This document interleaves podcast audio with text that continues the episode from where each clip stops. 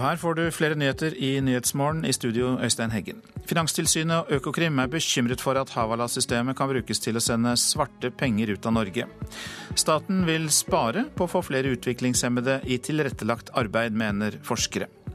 Masseprotester i Venezuela, både for og mot presidenten. Og Oslo har også sin matfestival. Matstreif begynner i dag på Rådhusplassen. Finanstilsynet og Økokrim er bekymret for at Havala-virksomhet kan være en måte å sende svarte penger ut av Norge på. I Norge er det 590 agenter for utenlandske selskaper som overfører penger internasjonalt. Finanstilsynet mener at disse agentene utgjør en stor risiko for at penger fra kriminell virksomhet kan føres ut av landet. En av agentene er, bor på Grønland i Oslo. Takk skal du ha. Hei. Jeg har kurset til Pakistan i dag. 1270. 1270. Ja. Bak disken på Grønland står Ganeshan. Butikken han jobber i er agent for et utenlandsk betalingsselskap. De overfører penger til andre land, ofte til land uten fungerende bankvesen. Hvis kriminelle folk vi merker, vet du. Mesteparten av folkene vi kan merke. Hvordan da? Det kommer ikke bare én stikker. De kommer flere sammen. Sammen. Bare én som kommer inne, tre stikker går frem og tilbake. Det er hawala-virksomhet, en lovlig metode for å overføre penger mellom land som som oftest ikke har fungerende bankvesen. I Norge har 13 bedrifter konsesjon fra Finanstilsynet for å drive dette. Samtidig finnes det 590 agenter som driver for utenlandske selskaper. Det høye antallet agenter bekymrer Finanstilsynet, sier seksjonssjef Ole Jørgen Karlsen. Vi er bekymret for at det kan være en kanal for å sende kriminelle penger ut av landet. Det kan være penger som stammer fra prostitusjon, narkotikaomsetning, svart arbeid, menneskehandel. Og det kan også være sende penger til terrorfinansiering i konfliktområder rundt i verden. Det overføres mellom 3 og 4 milliarder kroner ut av Norge hvert år, ifølge Finanstilsynet. Mesteparten av agentene. I Finanstilsynets risikovurdering knyttet til hvitvasking og terrorfinansiering, så er betalingsforetaksområdet regnet som et høyrisikoområde. Agentnettverkene utgjør en stor del av den bekymringen vi har. Finanstilsynet har bare tilsyn med selskapene som har konsesjon i Norge. Agentene rapporterer til det utenlandske selskapets hjemland og valutaregisteret, som betyr at Finanstilsynet ikke har direkte kontroll med dem.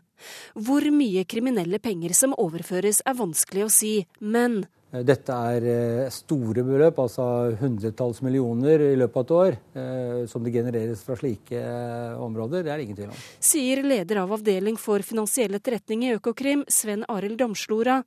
Han deler Finanstilsynets bekymring. Denne virksomheten er jo egnet til å overføre midler raskt og effektivt. eh, Og vår bekymring er for det første at det nok ikke er så godt, eh, godt oppfølging av denne type aktører som en ønsket. Altså med innsyn, tilsyn og kunnskap i bransjen selv om hvilke utfordringer de har når det gjelder hvitvasking og terrorfinansiering. Eh, Og at eh, denne type virksomhet eh, er, brukes og blir misbrukt til eh, hvitvasking og overføring av penger som kommer fra eh, kriminelle virksomhet. Norge følger et EU-direktiv som gir agenter anledning til å drive virksomhet over landegrensene. Et nytt direktiv er på trappene som vil skjerpe kontrollen, men Finanstilsynet mener det langt fra er nok. Vær så god. På Grønland kunder kommer og går, penger sendes til Pakistan og Italia. Han som jobber her sier han ikke kan si nei til kunder, men at det gjøres av hovedkontoret. Legitimation. Eller vi, vi kan ikke sende penger. Hvor ofte sender du melding til hovedkontoret om at de må sjekke en overføring? Uh, kan, kanskje en måned, tre-fire ganger i senteret. Tre-fire ganger i måneden? Ja. Ja. Reporter, det var Ellen Omland. Det vil være økonomisk lønnsomt å få flere utviklingshemmede i tilrettelagt arbeid. Det mener flere forskere. Økonomiprofessor og tidligere Høyre-statsråd Viktor Nordmann mener Norge dummer seg ut økonomisk når utviklingshemmede ikke får bidra i arbeidslivet. Nordnes verksted i Bergen er blant vekstbedriftene som tilbyr tilrettelagt arbeid for utviklingshemmede. Trygve Knag legger kiwiskier i esker. De skal til skoler i bergensområdet. Et av mange oppdrag Nordnes verksteder gjør. Det er veldig kjekt. Så bretter de sånn eh, pappkasser. Knag har Downs syndrom. I likhet med andre som jobber her, trenger han tilrettelegging for å kunne jobbe. Vi kommer tilbake, vi skal bare gå inn på snekkeravdelingen. Daglig leder Steinar Sellevold viser rundt i de ulike verkstedene i vekstbedriften. Her er det et engasjement og en sterk vilje til å levere og yte noe. Mange utviklingshemmede ønsker slikt arbeid, men det er ikke nok plasser til dem. Jeg synes det er tragisk for, for de personene det gjelder. Ja, så er det dumt for det offentlige, for det offentlige taper penger på dette. Det sier Viktor Normann. økonomiprofessor ved Norges handelshøyskole og tidligere arbeidsminister for Høyre. Han er styreleder for ASVL, arbeidsgiverforeningen til landets vekstbedrifter. Som NRK fortalte i går, har det blitt vanskeligere for psykisk utviklingshemmede å få tilrettelagt arbeid. Over 5000 står i kø for å få plass i det som tidligere ble kalt vernede bedrifter. Nordmann er blant de som mener staten vil tjene på å få flere utviklingshemmede i jobb. Folk som sitter stille og ikke gjør noe, eh, enten det er i en leilighet eller på et dagsenter hvor de gjør for så vidt greie ting, men ikke bidrar til verdiskapningen, de koster samfunnet mye mer enn folk som er i arbeid. For de som er i arbeid, de er med og bidrar til verdiskapningen. Eh, de er som oftest også lykkeligere, sånn at de også krever mindre ressurser på andre områder. Så når vi er i den situasjonen vi er i nå, så, har vi liksom bare stilt oss selv i et dumt hjørne, hvor vi dummer oss ut økonomisk og gjør skade på personer. Nordmann får støtte fra professor og forsker ved NTNU, Jan Tøssebro. De mener begge det står på politisk vilje til å bevilge penger til flere tiltaksplasser. Men verken de sjøl eller samfunnet er jo tjent med at så mange går uvirksomme. Blant de 48 som har tilrettelagt arbeid i Nordnes verksteder, er de aller fleste psykisk utviklingshemmede. Peter Brudvik og Anne Linn Båtevik er glad de har en jobb å gå til. Jeg er jo sidemann på biler, leverer frukt til skoler. Jeg trives veldig bra. Jeg. Hvis ikke du hadde fått sånn BTA-plass, hva hadde vært alternativet for deg da, tenker du? Mm, da vet jeg egentlig ikke helt hva jeg hadde gjort, egentlig. Og legger til at regjeringen jobber med et prøveprosjekt eh, hvor de vil gi kommunene ansvaret for å skaffe utviklingshemmede jobb. Og reporter her, det var eh, Siri Løken. Lokal mat- og drikkekultur løftes jo mer og mer fram, så også i Oslo i dag med festivalen Matstreif på Rådhusplassen. Der kan de tilby alt fra NM i gardsost til nordisk mesterskap i baking. Og prosjektleder for Matstreif, eh, Anja Falland Gustavsen, du er kommet til oss. God morgen til deg. Ja, god morgen. Hvorfor denne festivalen på Rådhusplassen i Oslo? Nei, Det er jo først og fremst en fantastisk profileringsarena for eh, lokalmat. Og det er jo viktig å få fram at det er en nasjonal festival. Eh, det kommer utstillere fra land og strand over hele Norge for å delta på dette. Og Det som er litt unikt med Oslo, er at de når et veldig bredt spekter av publikum her. Og får testet og vist fram varene sine og delt historiene. Ja, for det er jo ikke så mange gardsbruk igjen i Oslo-området, så hadde dere basert dere bare på dem, hadde det kanskje blitt litt få boder? Ja, det hadde men vi har det i Oslo. Og det vi ser i Oslo som er ganske interessant, er at det blir mer byfarming. Og folk har en veldig stor interesse for det også i byene. Og ikke minst å vite hvor maten kommer fra, og gjerne historien rundt maten. Og veldig, vi ser en økende interesse for merking av mat. Og ja, generelt vite hvor den kommer fra. Hva er byfarming? Byfarming er alt fra å hva heter det, grønnsaker på balkongen din til å ha biekuber oppå taket. Det er veldig interessant å se den trenden ta av. Det er veldig hipt. Får man vite litt om den type ting på festivalen også, eller? Ja, vi har et nytt konsept i år som går på kunnskapsdeling. Og der har vi kurs gjennom hele festivalen, og der vil det bl.a. bli et kurs om det. Det blir også kurs om hvordan starte en foodtruck. Det er noe vi ser veldig i hovedstaden har tatt av det siste året. Så det blir mye interessant man kan lære både fra det til filetrering av fisk og ja, diverse. Så man kan lære seg triks med å kjøpe en gammel varebil og så lage en liten matbod av det? Ja. Reise rundt i byen? Ja, og det, det, er blitt veldig populært. Så jeg tror folk ringer meg og spør hvordan de kan melde seg på kursene. Selv om det står at det er gratis. Så jeg tror det kommer til å bli populært. Men kan man da komme til Rådhusplassen i dag og i morgen og spise seg mett? Ja, absolutt. Det tror jeg ikke det vil være noe som helst problem. Og vi har et konsept at alle skal tilby en liten smak for 25 kroner, en liten rett. Og poenget da er at man skal kunne smake seg gjennom Norge. Så det er absolutt mulig. Og så en annen ting, eh, Hvordan opplever du samspillet mellom norsk matkultur og den matkulturen vi får inn gjennom innvandrerkulturen, også for så vidt eh, som vi henter når vi er på ferie ute? Eh, det er veldig interessant, og vi ser en veldig positiv endring der. Både blanding, at man mikser kulturer. At man tar med råvarer og bruker norske råvarer og kultur. Og vi har jo et prosjekt på gang i år hvor det er invitert noen flyktningfamilier til å bli inspirert av norske råvarer, som vi da har alt av på Matstreif og lage sine egne retter. Og det skal de da dele ut på søndagen eh, på Matstreif. Så vi kan, eh, vi kan få fårikål på en helt annen måte, kanskje? Ja, kanskje det.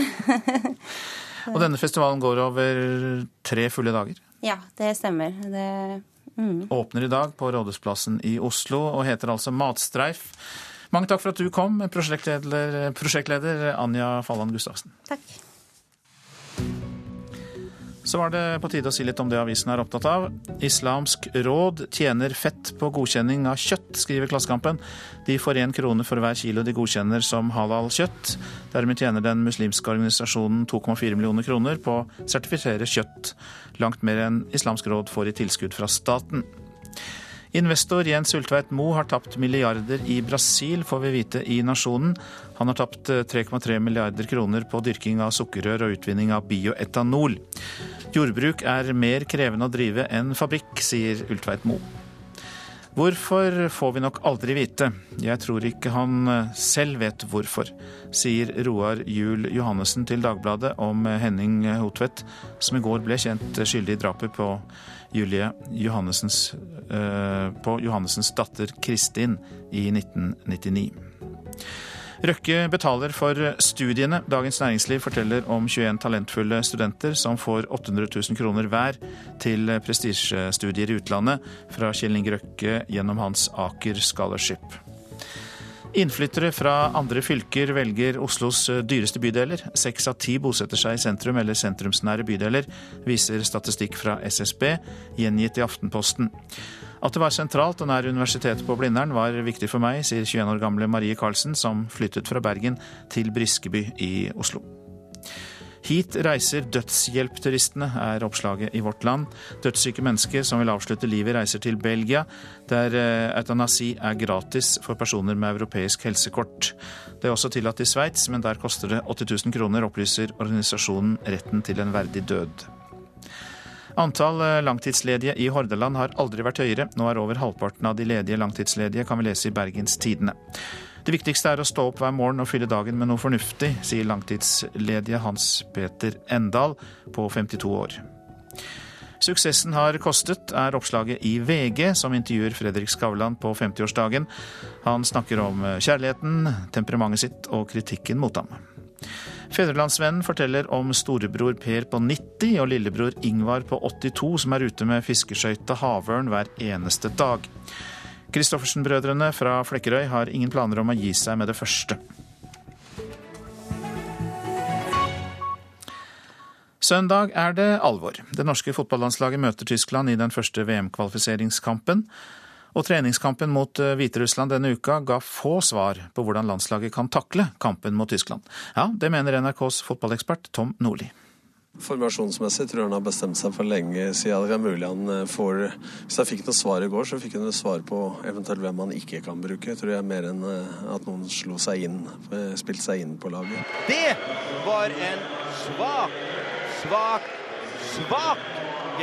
Det er ingen tvil om at Norge må heve seg mange hakk mot Tyskland, og Nordli tror spillerne kommer til å skjerpe seg. Der er den indre motivasjonen så stor, men jeg forventer jo også at den indre motivasjonen hos spillere skal være der. Eh, og kan man si at det er en treners oppgave å motivere, men det får være grenser. altså Sånn som i går, så så var det dem som førte meg fast på laget, fløy der og unngikk skader og dueller. Og de som spilte seg inn, fikk jo ikke en reell sjanse til å gjøre det når ikke laget på en måte er på. Laget måtte tåle terningkast én og totalslakt i tabloidene.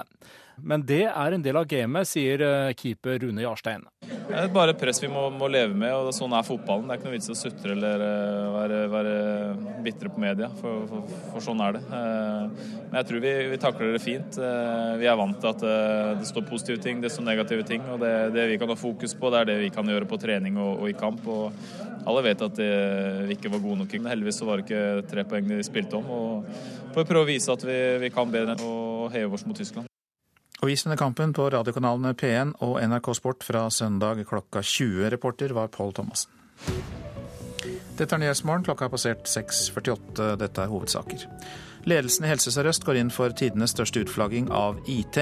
Tillitsvalgte frykter at helsedata for 2,8 millioner nordmenn skal komme på avveie. Mer om dette i Nyhetsmorgen etter klokka sju. Finanstilsynet og Økokrim er bekymret for at Havala-virksomhet kan være en måte å sende svarte penger ut av Norge på. I Norge er det 590 agenter for utenlandske selskaper som overfører penger. Staten vil spare på å få flere utviklingshemmede i tilrettelagt arbeid, mener forskere. Tidligere Høyre-statsråd Viktor Nordmann mener Norge dummer seg ut når utviklingshemmede ikke får bidra i arbeidslivet. Nå til Venezuela og hovedstaden Caracas. Flere titusener demonstrerte i natt der med krav om at president Nicolas Maduro må gå av. Titusener av vanlige mennesker er ute i gatene i Venezuelas hovedstad Caracas. Og bakgrunnen er enkel.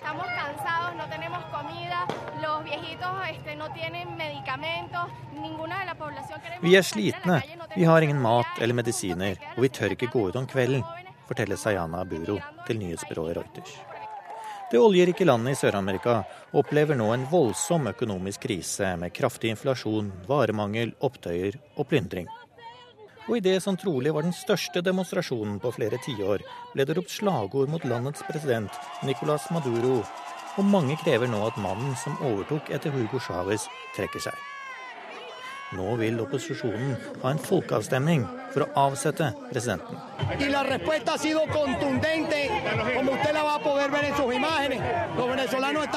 Oppmøtet er overveldende. Folk krever nå sin rett og vil at landet kommer seg ut av denne krisen, sier opposisjonsleder Henrique Capriles. Men det tok ikke lang tid før det som i utgangspunktet var en fredelig demonstrasjon, ble møtt med tåregass. Maduro på sin side hevder at opposisjonen i landet forsøker å gjennomføre et politisk kupp, og hevder at han har bevis.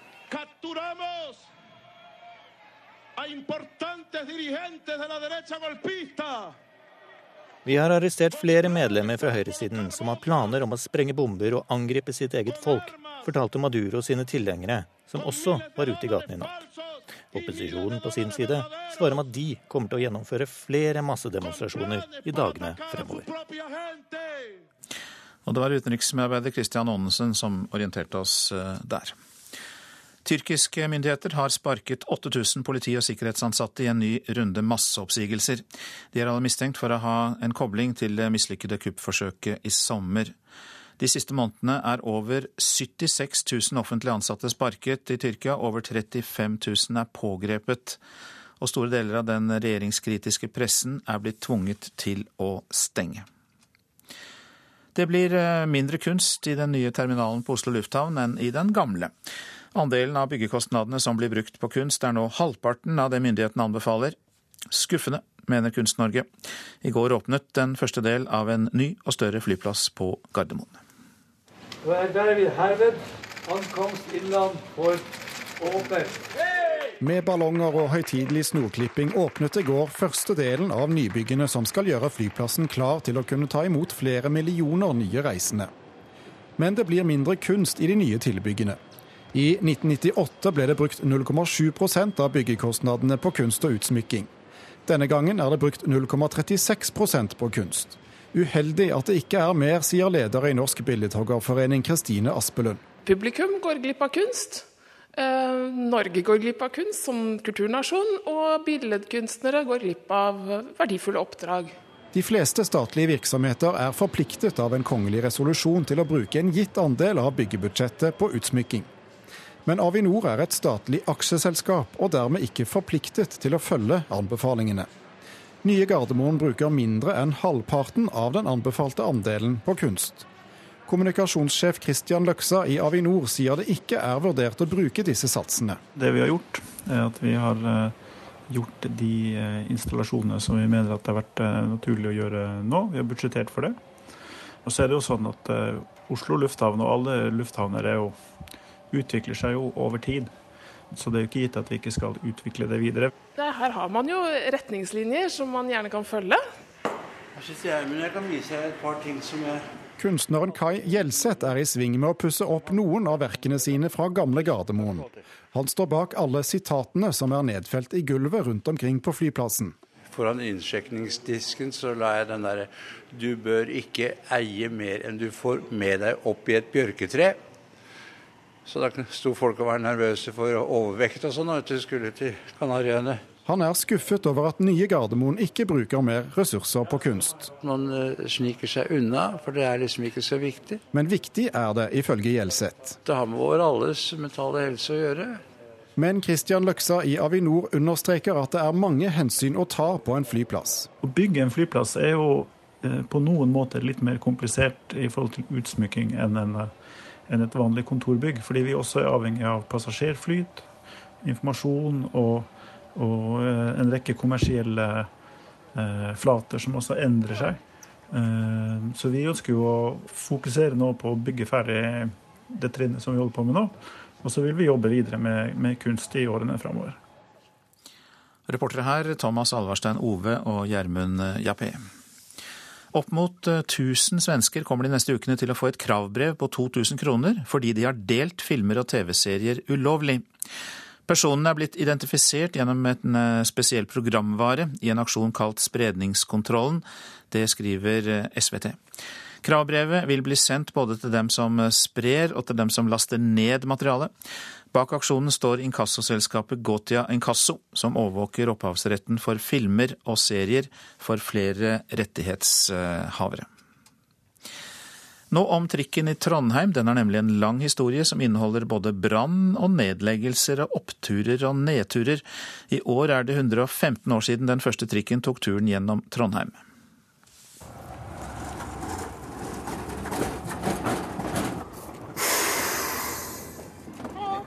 Trikken. Siden 1901 har den kjørt igjennom Trondheim. Jeg kjenner jo til hver eneste lille hump omtrent i sporet. Jeg vet jo hvor det er noen ting og det ligger i fingrene. I tre år har Øystein Almo kjørt Gråkallbanen i Trondheim ved sida av lektorstudiene. Og nå skriver han master om kollektivtrafikk med trikk som hovedtema. Sånn fra barnsbeina skulle jeg si, så har jeg syntes det var artig med sånn trikk og skinner og tog og sånne ting. Og han er nok ikke alene om å synes trikken er interessant. Mange i Trondheim har et sterkt forhold til trikken, og den skaper stadig debatt. Hver gang trikken er nevnt i Trondheim, så blir det jo bråk. Hvorfor er det sånn? Det er noe som skaper følelser. Trikken gir Trondheim en litt sånn storbyfølelse, og det er jo ofte det jeg også har hørt fra turister som kommer. At du, du har storbyfølelse i en liten by, og litt sånn begge deler. da, At du får litt pose og sekk. Og da er det kanskje en del av greia det da, at eh, en trikk er gjerne noe du forbinder med en litt større by at eh, da blir det en del av identiteten kanskje til byen også. Og det gjør da at eh, med en gang du begynner å pirke borti det, så er det mye følelser som ligger der. Og da får du store diskusjoner. Trikken har en historie med både opp- og nedturer, brann og nedleggelse.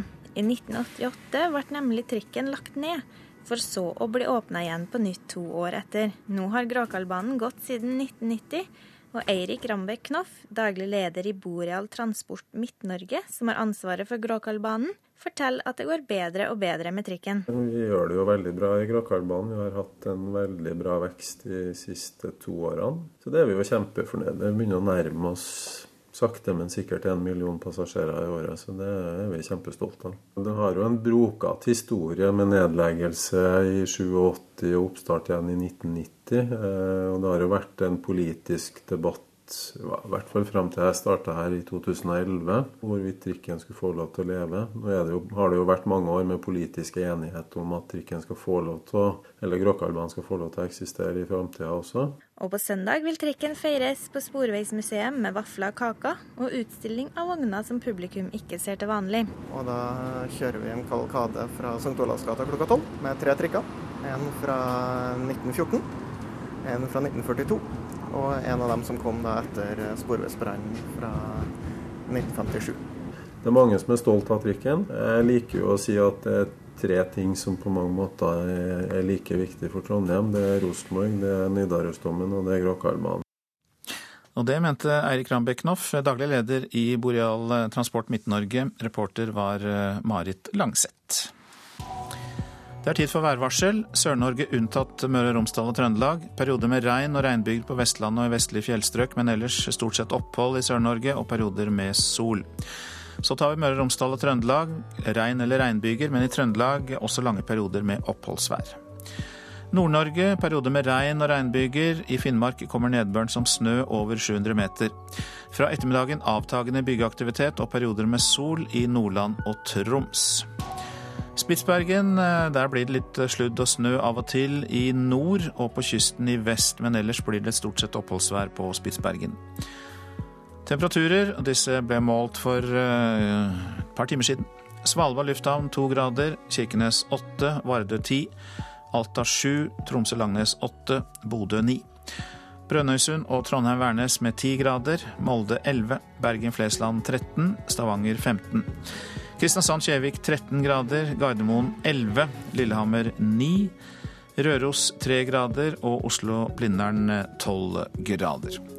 Og Da sier vi farvel til lytterne i eh, P1 pluss, men eh, dere som er på Alltid nyheter og P2, får være med oss videre også etter Dagsnytt klokka sju.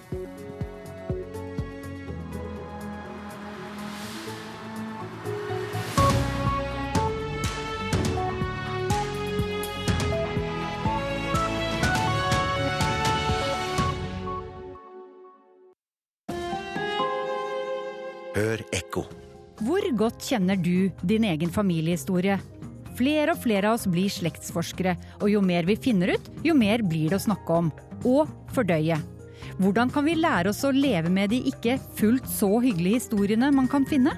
Ekko 9 11 i NRK P2.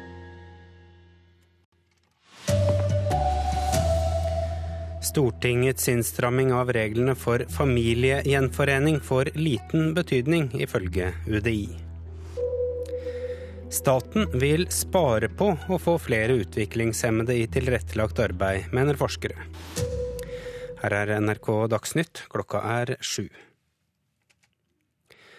Stortingets vedtak om å stramme inn reglene for familiegjenforening for flyktninger får liten betydning, ifølge Utlendingsdirektoratet UDI. Vedtaket betyr at flyktninger kan nektes familiegjenforening i Norge hvis de har sterkere tilknytning til et annet trygt land, et såkalt tredjeland. Men som det ser ut nå, så vil ikke dette tiltaket få noen særlig effekt, sier seniorrådgiver Rolf Antonissen i UDI. Som det ser ut nå, så ser det ikke ut til at dette tiltaket vil få noen vesentlig effekt på andelen av innvilgelser eller avslag. Innstramningen gjelder ikke de som bor i flyktningleir, og heller ikke de som ikke har oppholdstillatelse. Og de sakene vi har, så er det svært få som har eh, oppholdstillatelse i et tredjeland, og mange bor i flyktningleir. Det vil være økonomisk lønnsomt å få flere utviklingshemmede i tilrettelagt arbeid, mener flere forskere. Økonomiprofessor og tidligere Høyre-statsråd Viktor Nordmann mener Norge dummer seg ut økonomisk når utviklingshemmede ikke får bidra i arbeidslivet. Jeg syns det er tragisk for, for de personene det gjelder.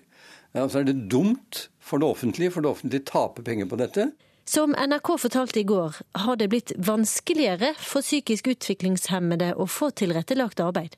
Over 5000 står i kø for å få plass i det som tidligere ble kalt vernede bedrifter. Folk som sitter stille og ikke gjør noe, enten det er i en leilighet eller på et dagsenter hvor de gjør for så vidt greie ting, men ikke bidrar til verdiskapningen, de koster samfunnet mye mer enn folk som er i arbeid. For de som er i arbeid, de er med og bidrar til verdiskapningen. De er som oftest også lykkeligere, sånn at de også krever mindre ressurser på andre områder. Så når vi er i den situasjonen vi er i nå, så, så har vi liksom bare stilt oss selv i et dumt hjørne, hvor vi dummer oss ut økonomisk og gjør skade på personer. Regjeringen jobber nå med et prøveprosjekt hvor de vil gi kommunen ansvaret for å skaffe utviklingshemmede jobb. Reporter Siri Løken. Væpnede personer har angrepet en kristen koloni nær Peshawar, ifølge Pakistans militære. Fire angripere ble drept i skuddveksling med regjeringssoldater. Tre soldater og to sivile vakter ble også såret i angrepet. Selskapet Textron, USAs siste produsent av klasebomber, har besluttet å avslutte produksjonen av de kontroversielle våpnene. Grunnen er fallende etterspørsel. Klasebomber er kjent for å drepe og lemleste sivile. NRK Dagsnytt, Arild Svalbjørg. Og her i Nyhetsmorgen fortsetter vi med disse sakene. Ledelsen i Helse Sør-Øst går inn for tidenes største utflagging av IT. Tillitsvalgte frykter at helsedata for 2,8 millioner nordmenn skal komme på avveie. Også i natt har det vært behov for å redde utlendinger ut av norsk villmark. Røde Kors hjelpekorps etterlyser mer penger. De har flere kostbare oppdrag med å hjelpe turister som blir strandet i norsk natur. Stortingets innstramming av reglene for familiegjenforening får liten betydning, eh, hørte vi om i Dagsnytt. Mer om det her i Nyhetsmorgen. Og en 70-åring får igjen akkurat like mye som en 20-åring ved intervalltrening, viser ny studie. Ja, Tillitsvalgte advarer mot utflagging av viktige systemer for informasjonsteknologi i helsevesenet. Ledelsen i Helse Sør-Øst går inn for å outsource selve IT-grunnmuren til helseforetaket. Et amerikansk selskap ligger an til å vinne kontrakten. Fagforbundet frykter at pasientopplysninger lettere kommer på avveie. Men er, helsedata er sensitivt, og de bør håndteres med egne ansatte, mener jeg. Kritiske spørsmål til den planlagte utflaggingen har nesten vært fraværende i styret i Helse Sør-Øst. Det forteller Svein Øverland, som er ansattes representant for Fagforbundet. Om en uke tar styret stilling til å flagge ut IT-infrastrukturen til hele Helse Sør-Øst, et helseforetak med ansvar for 2,8 millioner nordmenn. Så det er vel halve Helse-Norge? Det snakkes om tidenes største IT-kontrakt i Norge. 6-7 milliarder kroner. Og det er et amerikansk konsern med store datterselskap i India som ligger an til å vinne potten. Detaljene er foreløpig hemmelige. Men en del av avtalen er at norske ansatte som følger med fra Helse Sør-Øst, er sikret jobb i ett år.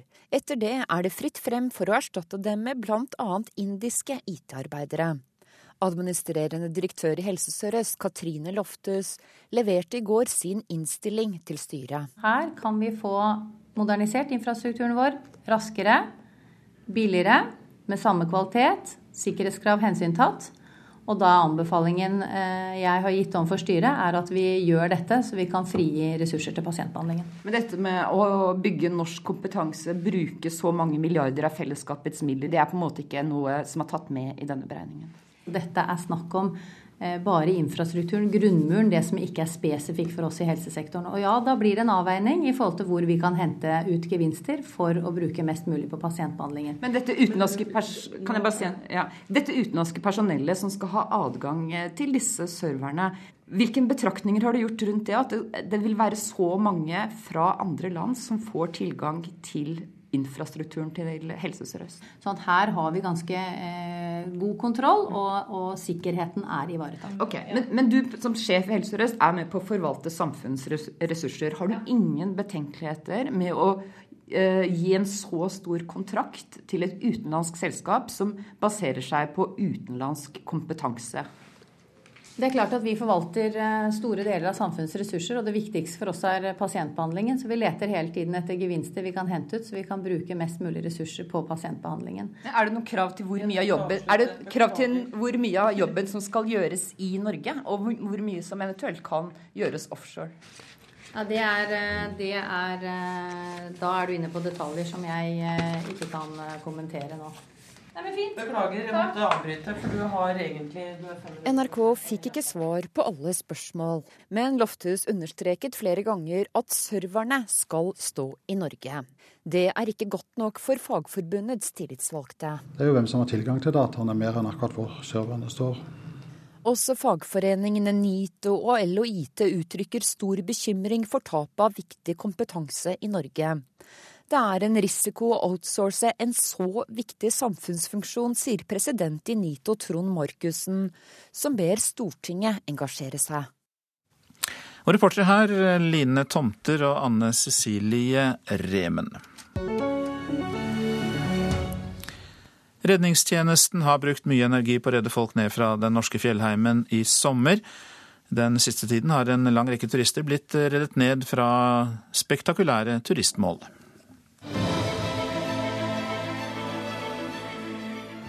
Voldsom norsk natur lokker turistene til seg. Opplevelsene blir lagt ut på nett, som i denne filmen en turgåer har laget. It's really hard to put into words what we saw there. It's, it's, uh, it's something that really has to be experienced, and it's definitely worth it.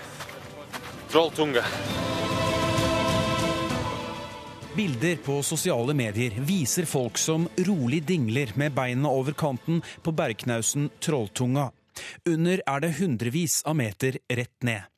Møtet med spektakulær natur blir vanskeligere enn ventet for mange. Denne uken ble et gråtende fortvilet kinesisk par avvist av Røde Kors, som ikke kunne hjelpe pga. kapasitetsmangel. Tyske turister ble overrasket av regn og tåke og måtte hentes ned av redningsmannskaper. På Besseggen ble en gruppe med bevegelseshemmede reddet ned fordi de ikke klarte den strabasiøse turen over fjelleggen. I juli ble en ung fransk mann stående fast på en fjellhylle ved Å i Lofoten. Den var snaut en halvmeter hver vei, med hundrevis av fjellvegg rett ned. Heldigvis overlevde han hendelsen og ble reddet av en luftambulanse. Det var eh, Haldor Asvald som eh, orienterte oss eh, der. Ole Gladsø, velkommen til deg. Takk for det. Du er leder for Røde Kors hjelpekorps, og vi hørte jo nå på morgenen at to tsjekkiske turister på Hardangervidda har bedt om å bli hentet ned. De har ikke følelse i beina, de er kalde, sier en av dine folk der, Morten Kronen i Hordaland. Er det et typisk tilfelle? Ja, dette er et typisk tilfelle. De har fått en situasjon. Var det nok også en hendelig uhellelse, i og med at det var telt som ble ødelagt. Men veldig typisk at de kommer ut i en situasjon som de ikke har evne til å takle. Hva skal vi gjøre med de utenlandske turistene? For jeg har inntrykk av at det er stadig flere av dem som kommer, og kanskje noen av dem roter seg bort, og andre er uheldige. Ja, hvis vi går på de utenlandske turistene, så må vi jo gå til NHO Reiseliv og det de gjør. Og de gjør mye bra. De har forberedt turistene på hva de møter i Norge. Men jeg stiller spørsmål om de når de riktige målgruppene. De må fortsette det her gode arbeidet, og det må skje i samarbeid med kommunene, sånn som det nå skjer i Odda. Vi hørte jo i innslaget her om en YouTube-video som ja, var god norgesreklame for så vidt, men ja. kanskje det trekker litt for mange eventyrlystne til landet. Kan vi motvirke det på noen måte? Ja, da er vi jo inne på å bruke de norske fjellvettreglene, da. Fjellrådene våre. Og det er jo å gjøre også turistene oppmerksom på at de skal velge tur etter evne. At de må ha de forutsetningene som er nødvendige for å kunne ta en sånn tur på en trygg måte og ha en god opplevelse. Og så hørte vi i innslaget at Oppland Røde Kors etterlyser mer penger fordi omfanget er blitt så stort av disse hjelpeaksjonene. Ber dere også om det sentralt? Ja, det gjør vi. Vi jobber opp mot myndighetene for å sikre økonomisk støtte, for å opprettholde denne lokale kapasiteten, slik at vi har en rask, god reaksjonsevne. Det viser seg jo slik at, slik at når sånne situasjoner oppstår, så er det de frivillige redningsmannskapene som er ressursene som lokalt må brukes. Vi trenger disse forsterkningene i midler til rekruttering, til kompetanseutvikling og utskifting av godt utstyr. Det slites utstyr i sommer. Er det først og fremst utstyr dere trenger mer penger til? Ja, Det slår ut veldig mye på utstyrssida, mm. men også til rekruttering og kompetansetiltak. Men er det slik at tida for de frivillige er ute, at den type arbeid bør vi mer eller mindre drive profesjonelt? Altså til å ta folk ut fra villmarka? Vi har jo en ordning i Norge som vi hegner godt om, og det er jo denne dugnadsånden. Og frivillig redningstjeneste er en del av dette. Redningstjenesten i Norge er basert på at alle bidrar, også de frivillige.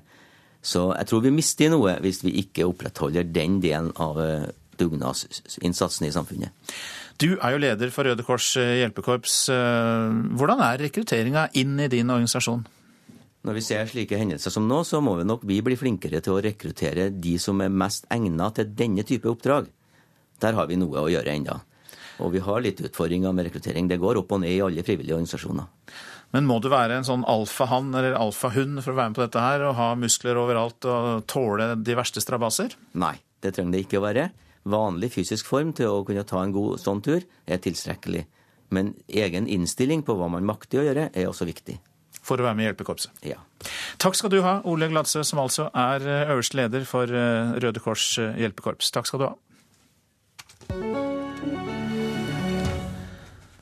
Stortingets vedtak om innstramming når det gjelder familiegjenforening for flyktninger får liten betydning, ifølge Utlendingsdirektoratet UDI. Vedtaket betyr at flyktninger kan nektes familiegjenforening i Norge hvis de har sterkere tilknytning til et annet trygt land, et såkalt tredjeland.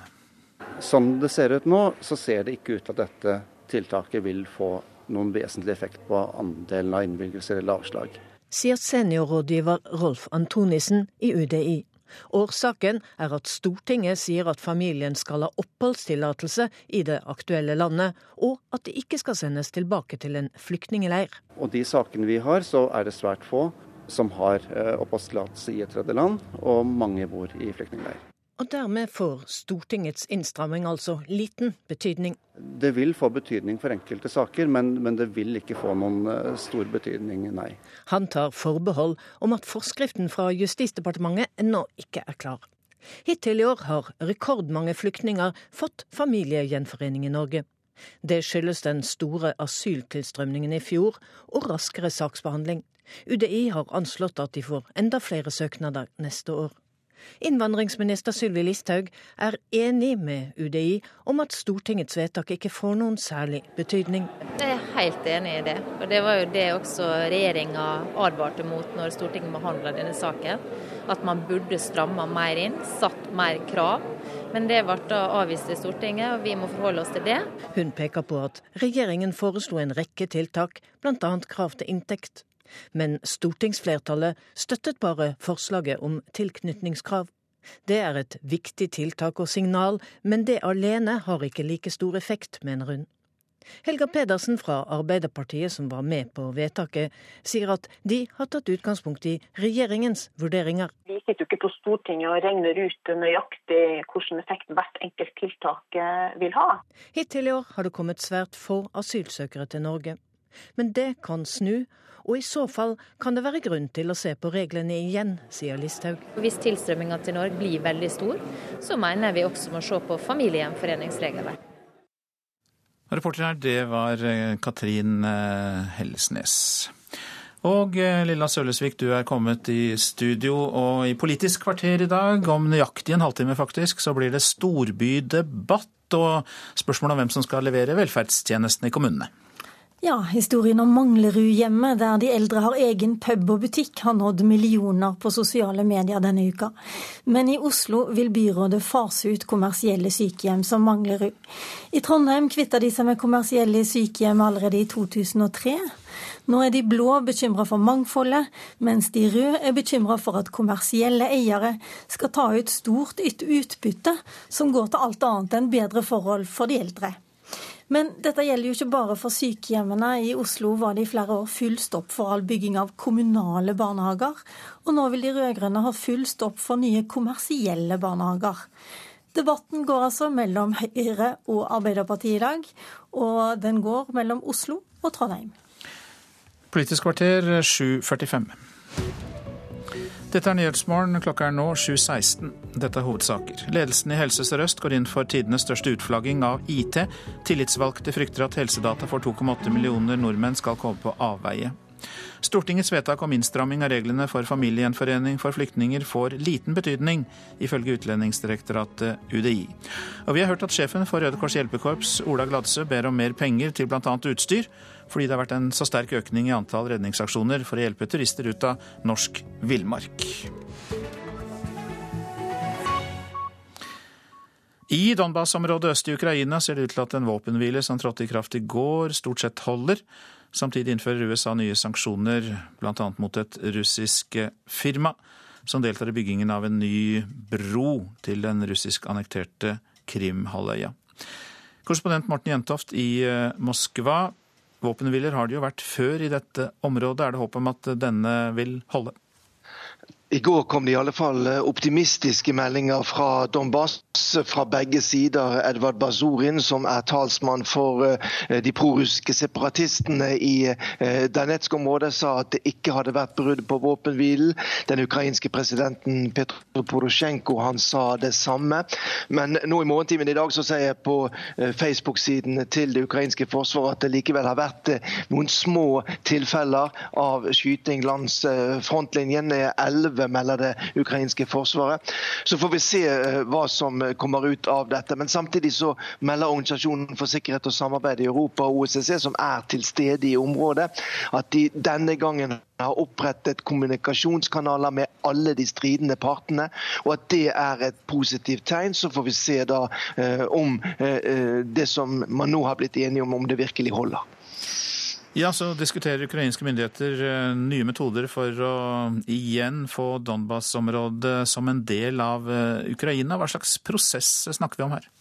Ja, eh, Det var et møte i den eh, ukrainske regjeringen tidligere denne uken som eh, var veldig interessant. Nå siver en del av det som kom frem, eller i alle fall det som var diskutert der, ut i media.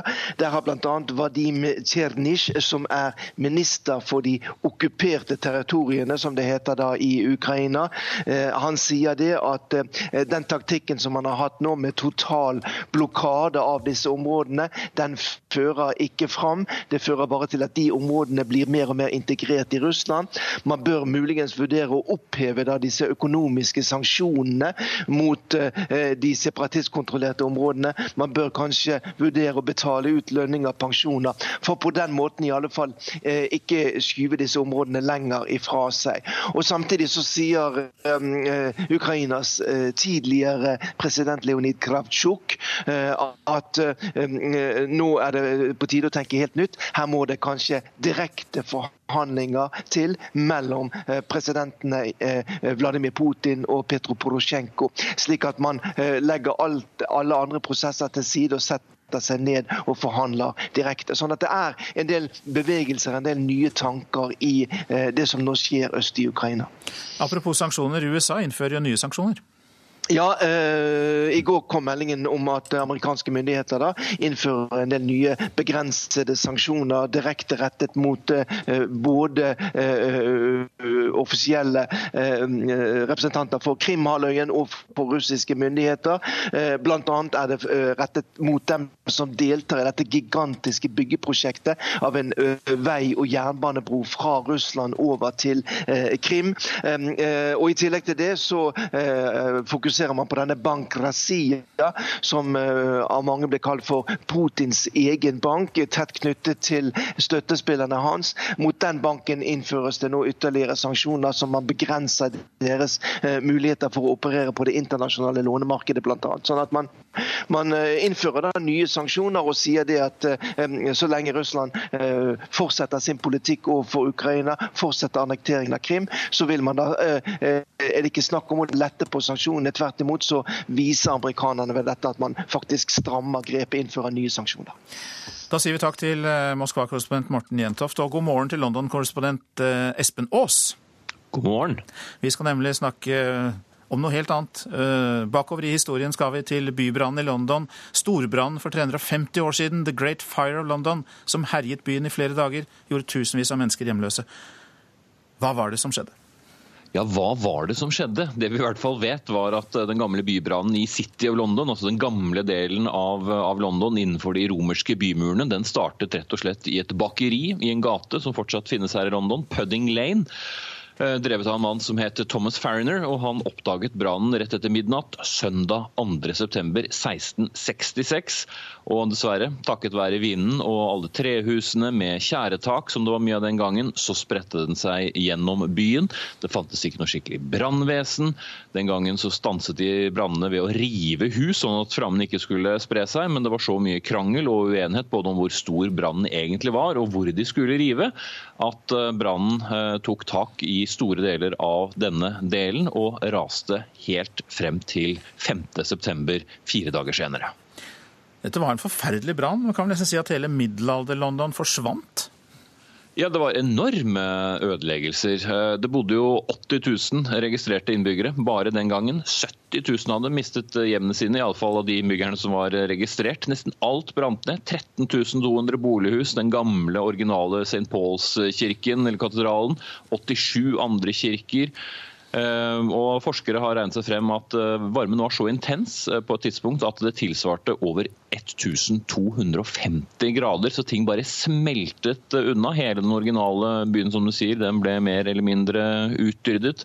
Alt av dokumentasjon, manusene til William Shakespeare, skatter, alt ble borte. Men de registrerte pussig nok bare seks dødsfall etter denne vanvittige brannen, men eh, dødstallene var eh, trolig mye mye større, rett og slett fordi man ikke registrerte de fattige, eh, de som var overlevende etter pesten som hadde herjet, som bodde i, i slummen, og også en del flyktninger fra krigen. De var jo i krig med Holland, og det hadde også vært borgerkrig i landet, så det var en periode hvor det var mange man ikke visste hvem var, som nok også ble tatt av flammene. Da var jo alt lagt øde, eller veldig store deler av London lagt øde. Hvilken betydning fikk det da for byutviklingen og oppbyggingen senere? Eh, først og fremst var det jo storslåtte planer da, som ble lagt av, av, kongen. De skulle bygge opp en helt ny, flott by, men så manglet de tømmer, de manglet håndverkere. Eh, landeierne var uenige om eh, hvor mye som de skulle gi fra seg, så de endte opp med å bruke de gamle gatemønstrene, men de bygget opp en ny by eh, hovedsakelig i stein. Og den kjente arkitekten Christopher Wren fikk muligheten til å bygge dagens storslagne St. Pauls katedral, eh, en rekke helt nye kirker. Eh, og det ble laget eh, flere boliger. Man trengte jo desperat boliger, selvsagt. Gatene ble bredere, og det var også større åpning mot Themsen, hvor det jo var vann, som de også slet med å få tak i faktisk den gangen pga. den store, store bybrannen. Så London ble på mange måter en slags full føniks som steg opp fra, fra asken igjen. Og vi må til slutt Espen Aas, ikke glemme at uh, britene er flinke til å markere begivenheter i sin historie. Dette skjer også denne gangen. Ja, eh, City of London, som da fortsatt jo er en egen by i byen, skal ha storslagent eh, arrangement eh, nå gjennom helgen. Masse forskjellige kulturarrangementer. Vi kommer til å se brann prosjektert på den store kuppelen på St. Pauls. Og det aller mest storslagne er en rekke arbeidsledige folk på tiltak som i lang tid har vært snekkere og bygget opp en liten miniatyr City of London som ligger på flåter.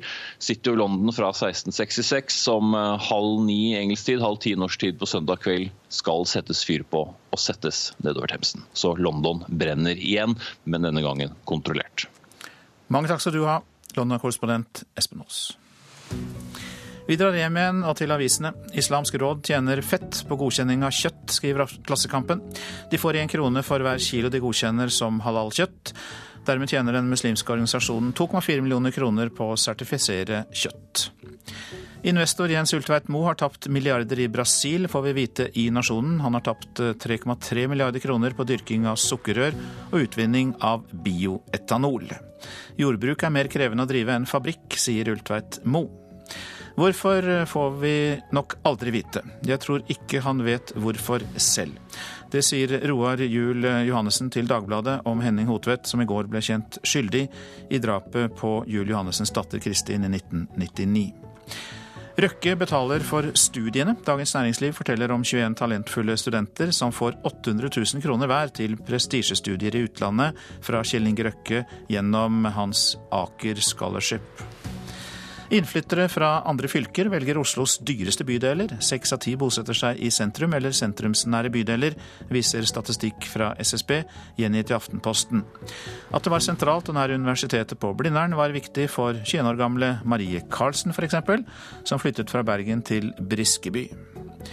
Hit reiser dødshjelpturistene, er oppslaget i Vårt Land. Dødssyke mennesker som vil avslutte livet, reiser til Belgia, der etanasi er gratis for personer med europeisk helsekort.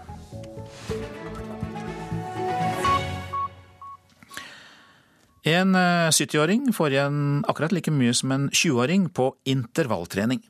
Det viser en ny eh, forskningsstudie fra Høgskolen i Bø, og det er godt nytt for folk oppi åra som kanskje hadde trodd at det var ikke noe vits i å trene. Og resultatene er, de er så oppsiktsvekkende at et stort amerikansk tidsskrift publiserer hele studien. På Elixia i Skien trener de side om side, ung og gammel. Knut Melfall har akkurat passert 70 og har trent hele sitt voksne liv. Likevel visste han ikke at han får like mye igjen for treningen nå som da han var ung. Eh, nei, det visste jeg ikke. Var det overraskende? Ja, jeg ville jo tro at en 20-åring hadde større effekt. Knut Melfall er langt fra den eneste som har trodd dette. Øyvind Støren, forsker på Høgskolen Sørøst-Norge avdeling Bø, ville knuse den myten. Det har nok vært en ganske utbredt oppfatning om at responsen på trening går ned med alder. Dermed satte han i gang, sammen med kolleger både i Bø og på NTNU i Trondheim. 94 personer deltok. De trente kondisjon og utholdenhet tre ganger i uka i åtte uker. Effekten på en 29-åring og en 79-åring var lik. I vårt studie fant vi det, ja. Det er morsomt, eh, og det er viktige funn. Og ikke helt uventa. Vi hadde en mistanke, det var derfor vi gjorde det. Men såpass uventa at det, eh, det, er ingen som har gjort akkurat det der studiet der før og, og funnet det. Så vi er nok de første som systematisk har eh, sammenligna alle aldersgrupper fra 20-åra opp til godt opp i 70-åra. Tilbake på Elixia i Skien. Rolf Rosenvold har passert 60 med god margin. Han trener tre ganger i uka akkurat slik studiet til Øyvind Støren anbefaler. Det, er, eh, det er sykling stort sett. Vekter og sånn, det er det lite med. Men kondisjonstrening eh, Det er litt dogg i panna, og du puster litt. Å ja. Skal... Men dere her lever på resten av dagen, det, vet du. Du samler overskudd og når du kommer på jobb eller hva som helst. Gevinsten av treningen er målbar og merkbar, forteller Støren. De økte godt i gjennomsnitt.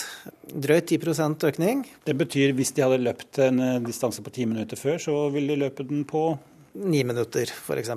Og det betyr også at de har blitt eh, i biologisk alder, i hvert fall de som er litt eldre enn opp i 20-åra, ca. ti år yngre på de prosentene her. Og det er, eh, det er verdt å ta med seg. Jeg tror kanskje den viktigste betydningen av det, det er at kunnskapen blant folk om at det ikke er for seint når du kommer litt opp i åra. Når treningsresponsen viser seg å være på utholdenhetstrening, som vi har, vi har, sett på, når den er like god hos de eldre, så kan nok kanskje det motivere folk til å, å komme i gang. Da er det bare å sette i gang og løpe intervalltrening etter at du har hørt Nyhetsmorgen. Reporter her var Roald, Roald Marker. Og produsent for oss i dag, Kari Bekken Larsen, og i studio Øystein Heggen. Vi skal etter Dagsnytt høre at det litauiske forsvaret har bygget opp en egen by for å trene på å forsvare tettsteder og byer mot militære angrep.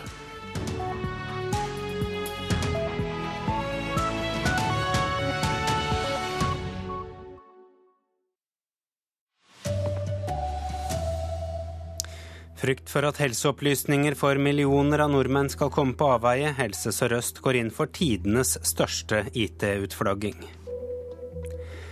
Store mengder kriminelle kroner sendes ut av landet hvert år. Liten kontroll med selskaper som overfører pengene til utlandet. Hundretusener samlet seg i protest i Venezuela i natt, krever at presidenten går av. Her er NRK Dagsnytt, klokka er 7.30. Tillitsvalgte advarer mot utflagging av viktige IT-systemer i helsevesenet. Ledelsen i Helse Sør-Øst går inn for å outsource selve IT-grunnmuren til helseforetaket. Et amerikansk selskap ligger an til å vinne kontrakten. Fagforbundet frykter at pasientopplysninger lettere kommer på avveie. Men er, helsedata er sensitivt, og de bør håndteres med egne ansatte, mener jeg. Sier Svein Øverland, ansattes representant i styret i Helse Sør-Øst. Salg av sensitive opplysninger er big business i noen land.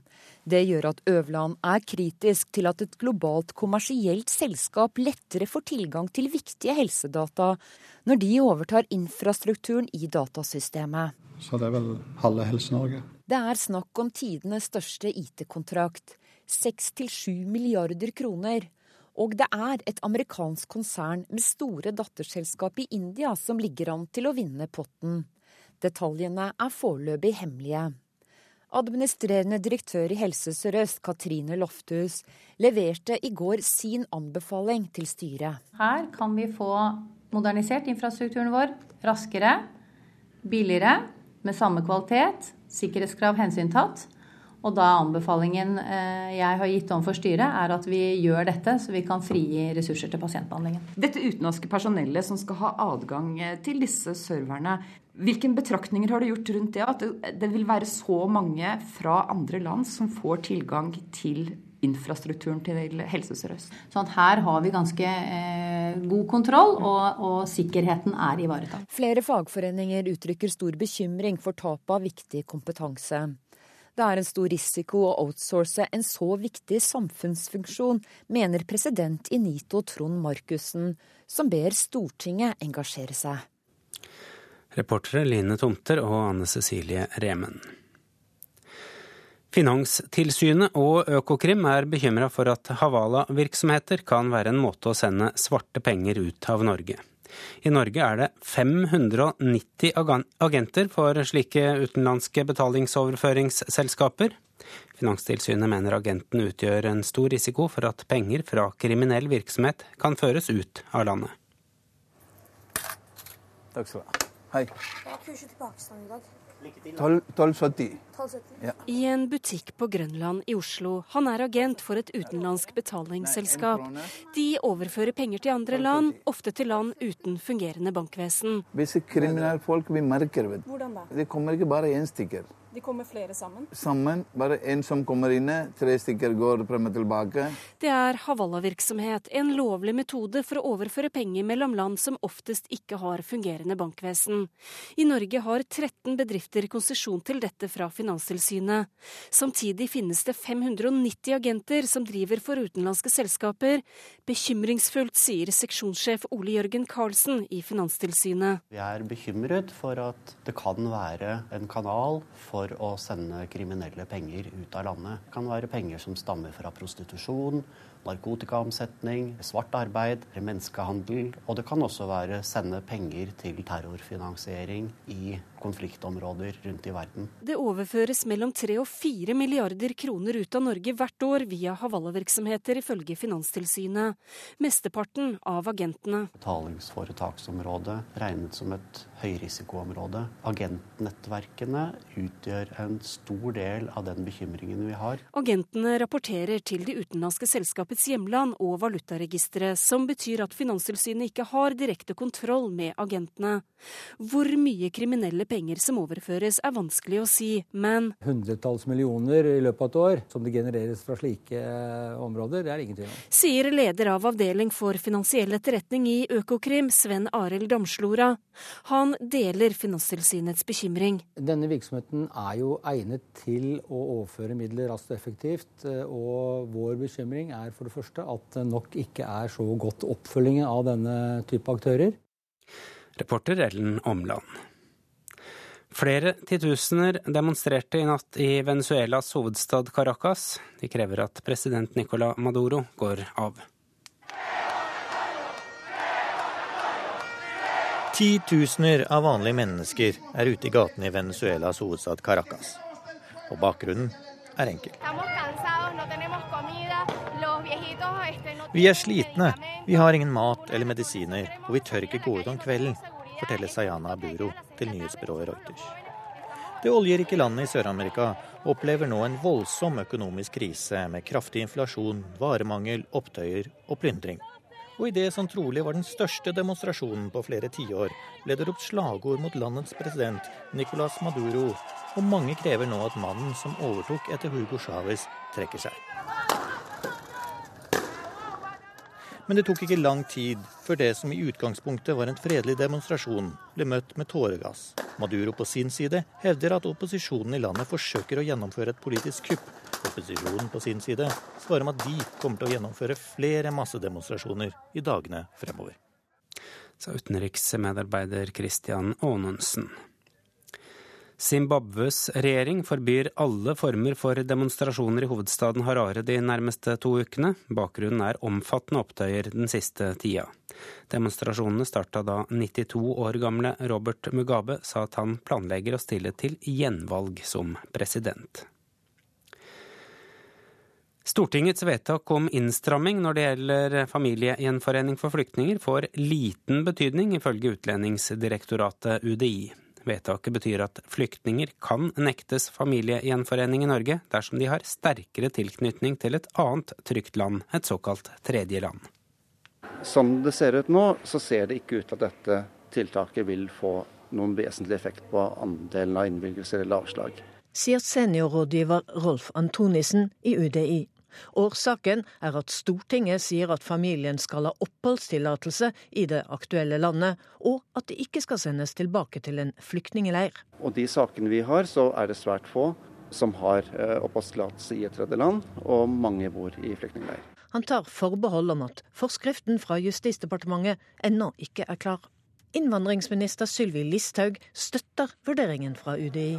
Jeg er helt enig i det. Og Det var jo det også regjeringa advarte mot når Stortinget behandla denne saken. At man burde stramme mer inn. Hun peker på at regjeringen foreslo en rekke tiltak, bl.a. krav til inntekt. Men stortingsflertallet støttet bare forslaget om tilknytningskrav. Det er et viktig tiltak og signal, men det alene har ikke like stor effekt, mener Listhaug. Arbeiderpartiets Helga Pedersen sier at de har lagt regjeringens vurderinger til grunn. Vi sitter jo ikke på Stortinget og regner ut nøyaktig hvilken effekt hvert enkelt tiltak eh, vil ha. Hittil i år har det kommet svært få asylsøkere til Norge. Men det kan snu, sier Listhaug. Hvis tilstrømminga til Norge blir veldig stor, så mener vi også må se på familiegjenforeningsreglene. Reporter Katrin Hellesnes. Det norske landslaget fikk kraftig kritikk i mediene etter treningskampen mot Hviterussland. Kampen ga få svar foran søndagens VM-kvalifiseringskamp mot Tyskland. Det mener NRKs fotballekspert Tom Nordli. Formasjonsmessig tror jeg han har bestemt seg for lenge siden. Det er mulig han eh, får Hvis han fikk noe svar i går, så fikk han svar på eventuelt hvem han ikke kan bruke. Tror jeg mer enn eh, at noen slo seg inn, eh, spilte seg inn på laget. Det var en svak, svak svak generalprøve. Det er ingen tvil om at Norge må heve seg mange hakk mot Tyskland. Og Nordli tror spillerne kommer til å skjerpe seg. Der er den indre motivasjonen så stor, men jeg forventer jo også at den indre motivasjonen hos spillerne skal være der. Eh, og kan man si at det er en treners oppgave å motivere, men det får være grenser. Altså, sånn som i går, så så var det dem som førte meg fast på laget, fløy der og unngikk skader og dueller. Og de som spilte seg inn, fikk jo ikke en reell sjanse til å gjøre det når ikke laget på en måte er på. Laget måtte tåle terningkast én og totalslakt i tabloidene. Men det er en del av gamet, sier eh, keeper Rune Jarstein. Vi er vant til at eh, det står positive ting, det står negative ting. og Det, det vi kan ha fokus på, det er det vi kan gjøre på trening og, og i kamp. og Alle vet at det, vi ikke var gode nok. Heldigvis så var det ikke tre poeng de spilte om. og Får prøve å vise at vi, vi kan bedre og heve oss mot Tyskland. Og kampen går på P1 og NRK Sport eh, fra søndag klokka 20. Reporter Pål Thomassen. Ansvarlig for eh, NRK Dagsnytt i dag, Arne Fossland. I studio, Arild Svalbjørg.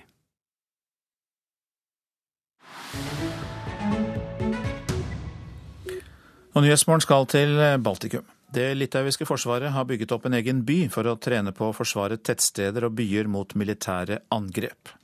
Litauen har protestert kraftig mot økt russisk opptrapping, og treningssenteret skal eh, forberede landets soldater på å kjempe mot russiske inntrengere.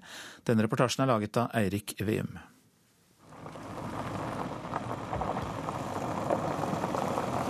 Det ser ut som en stille og rolig forstad til en storby. Her står bolighusene tett. Foran noen bygninger er det lekestativ og sandkasser.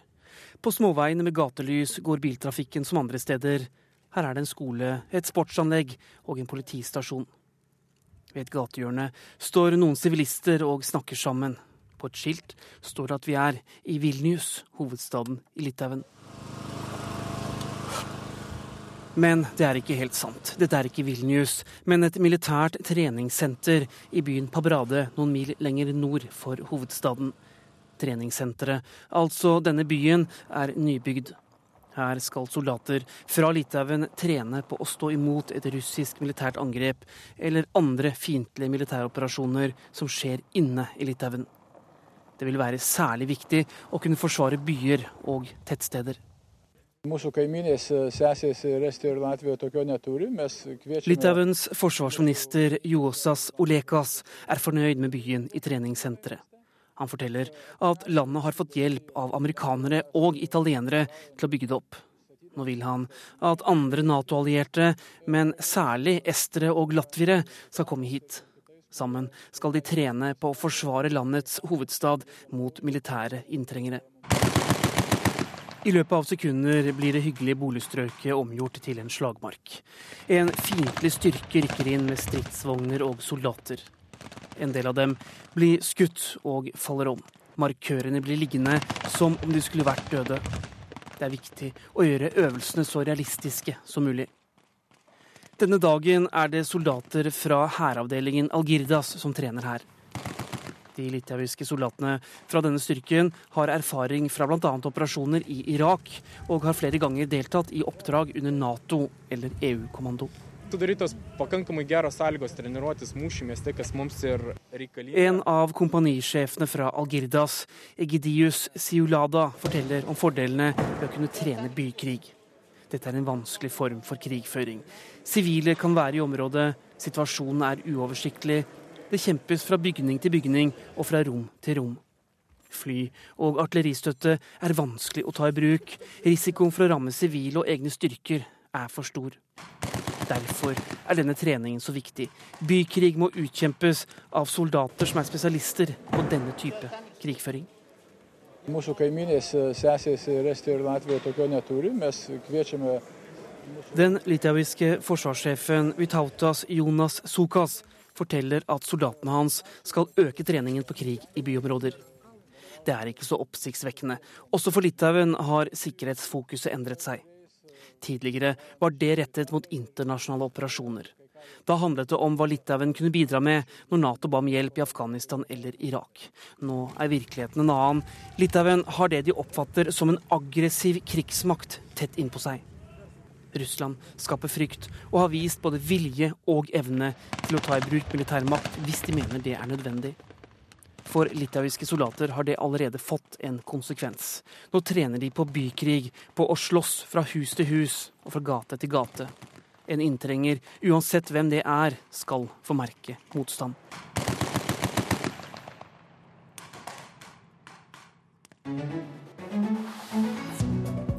Dette er hovedsakene i Nyhetsmorgen. Ledelsen i Helse Sør-Øst eh, går inn for tidenes største utflagging av IT. Tillitsvalgte frykter at helsedata for 2,8 millioner nordmenn skal komme på avveie. Finanstilsynet og Økokrim er bekymret for at Havala-systemet kan brukes til å sende svarte penger ut av Norge. I Norge er det 590 agenter for utenlandske selskaper som overfører penger. Stortingets vedtak om innstramming av reglene for familiegjenforening for flyktninger får liten betydning, ifølge Utlendingsdirektoratet UDI. Og flere titusen demonstrerte i natt i Venezuelas hovedstad Caracas. De krevde at president Nicolas Maduro må gå av. Så er det Politisk kvarter, og det er i dag ved Lilla Sølvesvik.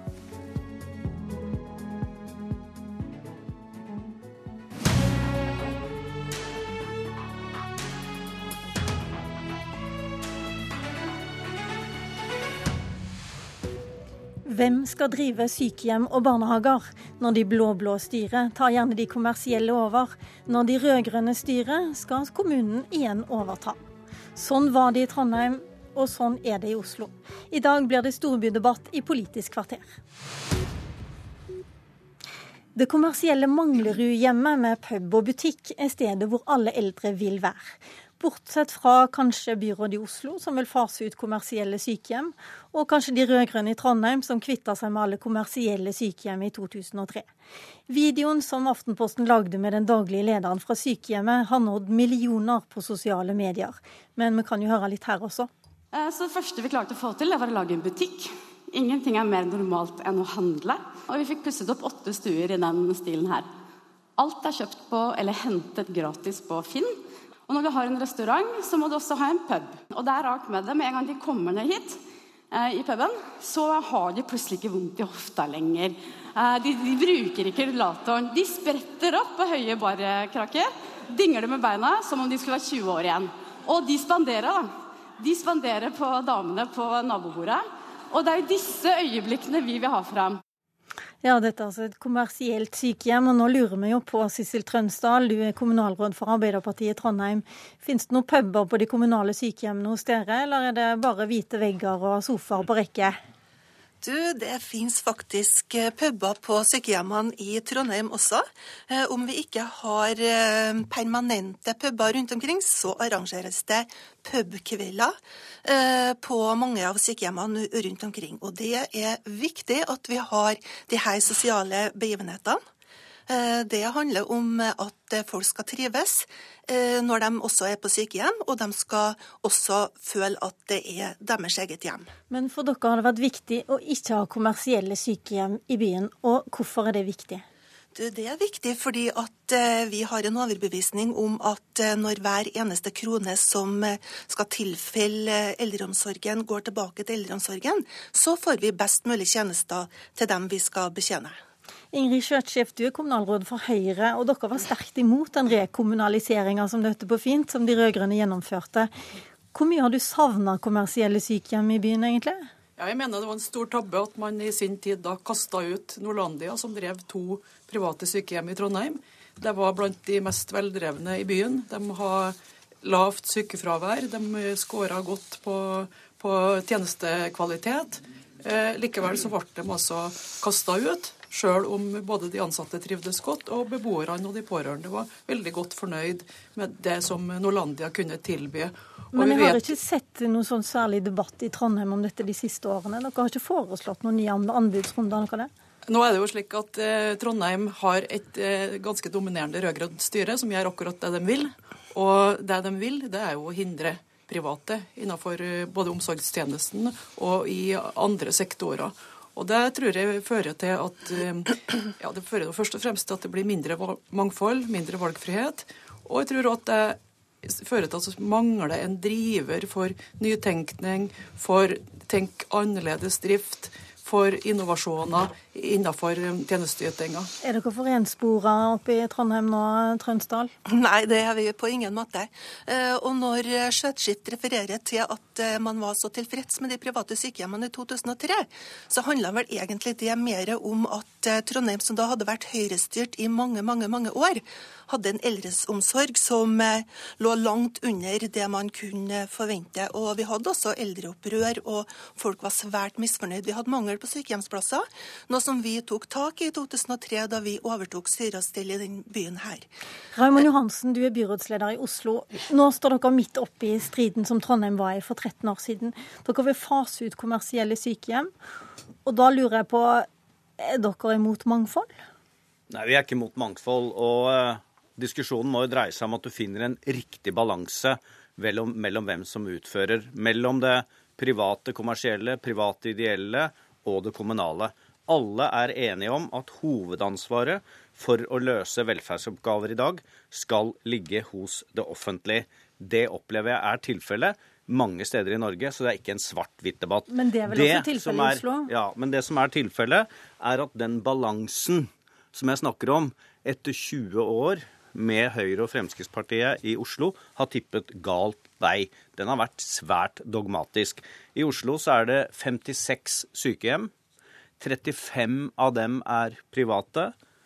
Og eh, resten er da kommunale. Det vi snakker om i løpet av de neste fire årene, er da å ta fire kommersielle tilbake til kommunale.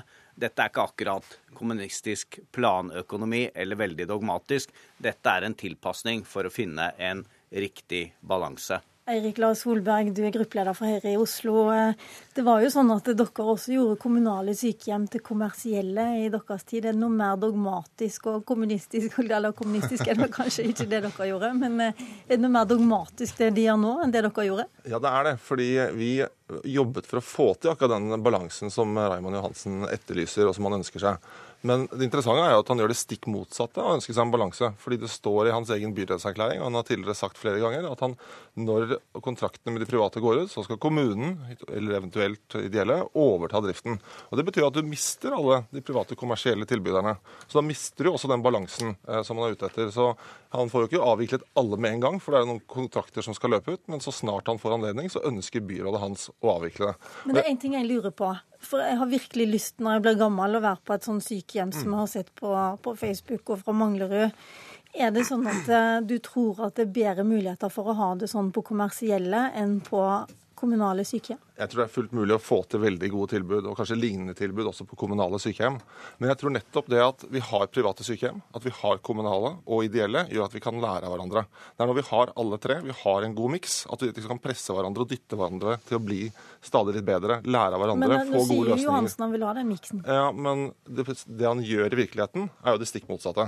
Hver gang en kontrakt går ut, så skal enten kommunen overta driften, eller så har han i hvert fall sagt at også ideelle kan overta. Og da mister du jo noe av det mangfoldet. Ja, jeg syns rett og slett det er litt opprørende at han ønsker å avvikle den gode driften altså, vi har hatt på Manglerud sykehjem. For det er det som er resultatet av den politikken han uh, har sagt han skal føre. og som skal, altså Ifølge okay, planene til Hansen så skal dette fases ut fra ja. 1.1.2019. Vi, vi, vi står nå foran en meget stor omlegging av eldreomsorgen. Vi skal ha en eldreomsorg som går fra mindre institusjonsbasert, altså mindre sykehjem, over til at folk skal kunne bo hjemme lenger. Vi ser at i Oslo så er det at vi trenger færre sykehjemsplasser. Hvis vi da er bare bundet, som vi er med de private kommersielle, også langsiktige kontrakter som gjør at det er svært komplisert å ta ned der. Det betyr at de kuttene vi må gjøre, den fleksibiliteten vi har nå for å få til den nødvendige eldreomsorgen Mitt inntrykk er at folk ønsker å bo hjemme mye lenger. Og vi ser at den eldreomsorgen vi overtok etter 20 år med Høyre og Fremskrittspartiet i Oslo, hadde svært store mangler.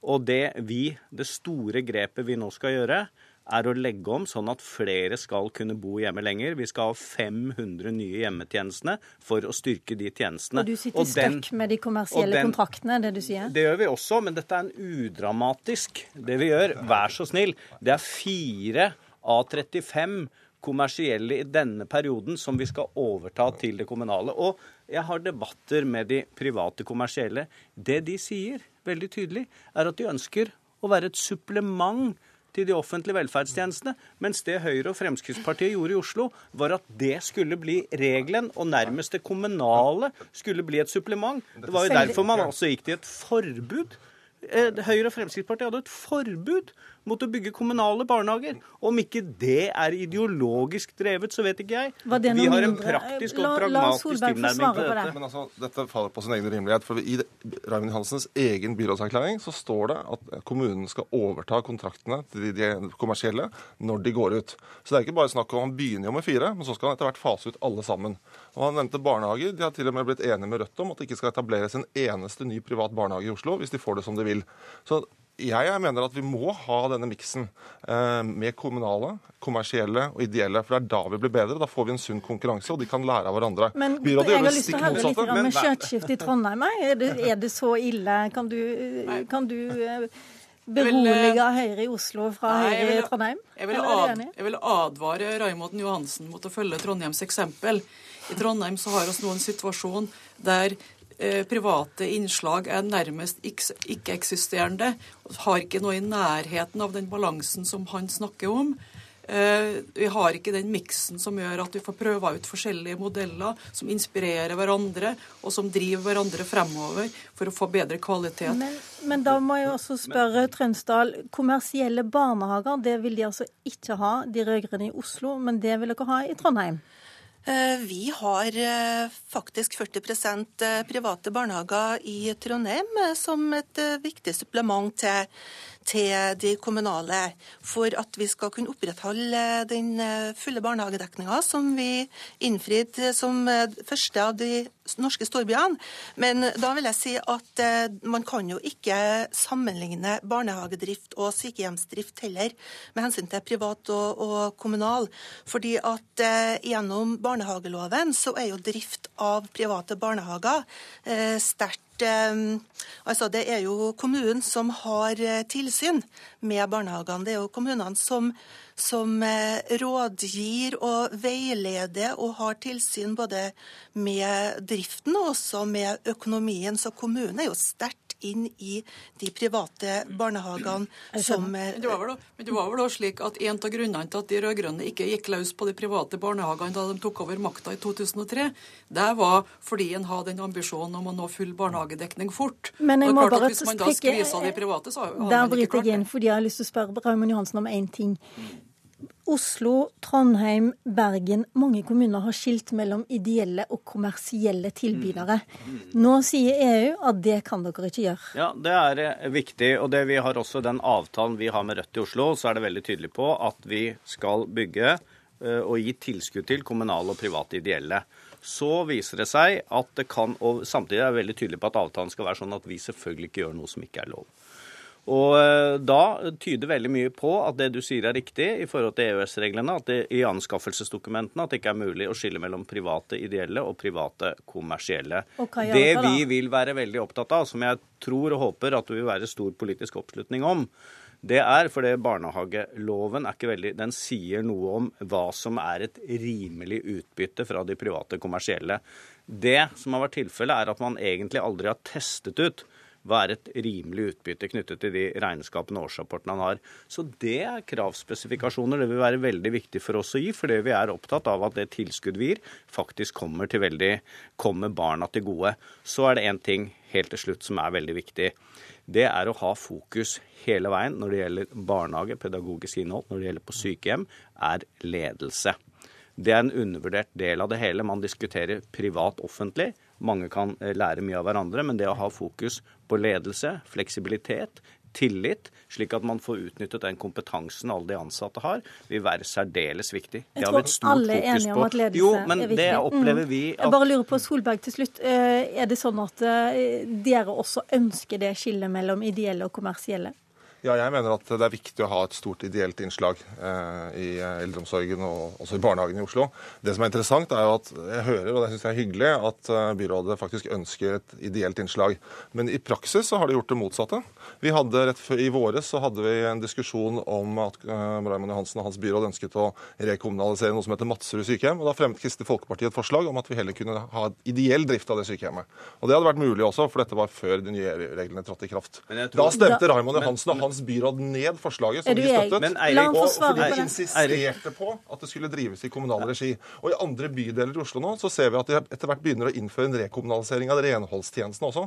Så det er liksom en ideologisk drevet ønske om at private og ideelle skal holdes utenfor. Det er hyggelig at du snakker pent om de ideelle, men i praksis så skjer det motsatte. Eirik, det er en innbitt motstand som kommer Eirik kort. Solberg, jeg tror vi skal være enige om én ting. At det er vel ingen som har drevet et større ideologisk korstog mot det kommunale enn det Høyre og Frp gjorde, hvor man, et, hvor man hadde et forbud mot kommunale barnehager. Det gjorde også at Oslo hadde den laveste barnehagedekning av alle storbyene. Dette er vi i ferd med, med å gjøre noe med. Samtidig så så vi det når det gjaldt sykehjem, så var det faktisk de private ideelle som tapte for de private kommersielle når Høyre satt Beklager. i ledersetet med det. Men vi ønsker vi ønsker vi, vi Ingen hører dere når begge to snakker i munnen på hverandre. Dessuten er vår tid omme. Takk til Raymond Johansen og Eirik Lars Solberg som tar hverandre i hånda til slutt her. Takk også til Ingrid Skjøtskift og Sissel Trønsdal i Trondheim. Programleder i dag, det var Lilla Sølhusvik.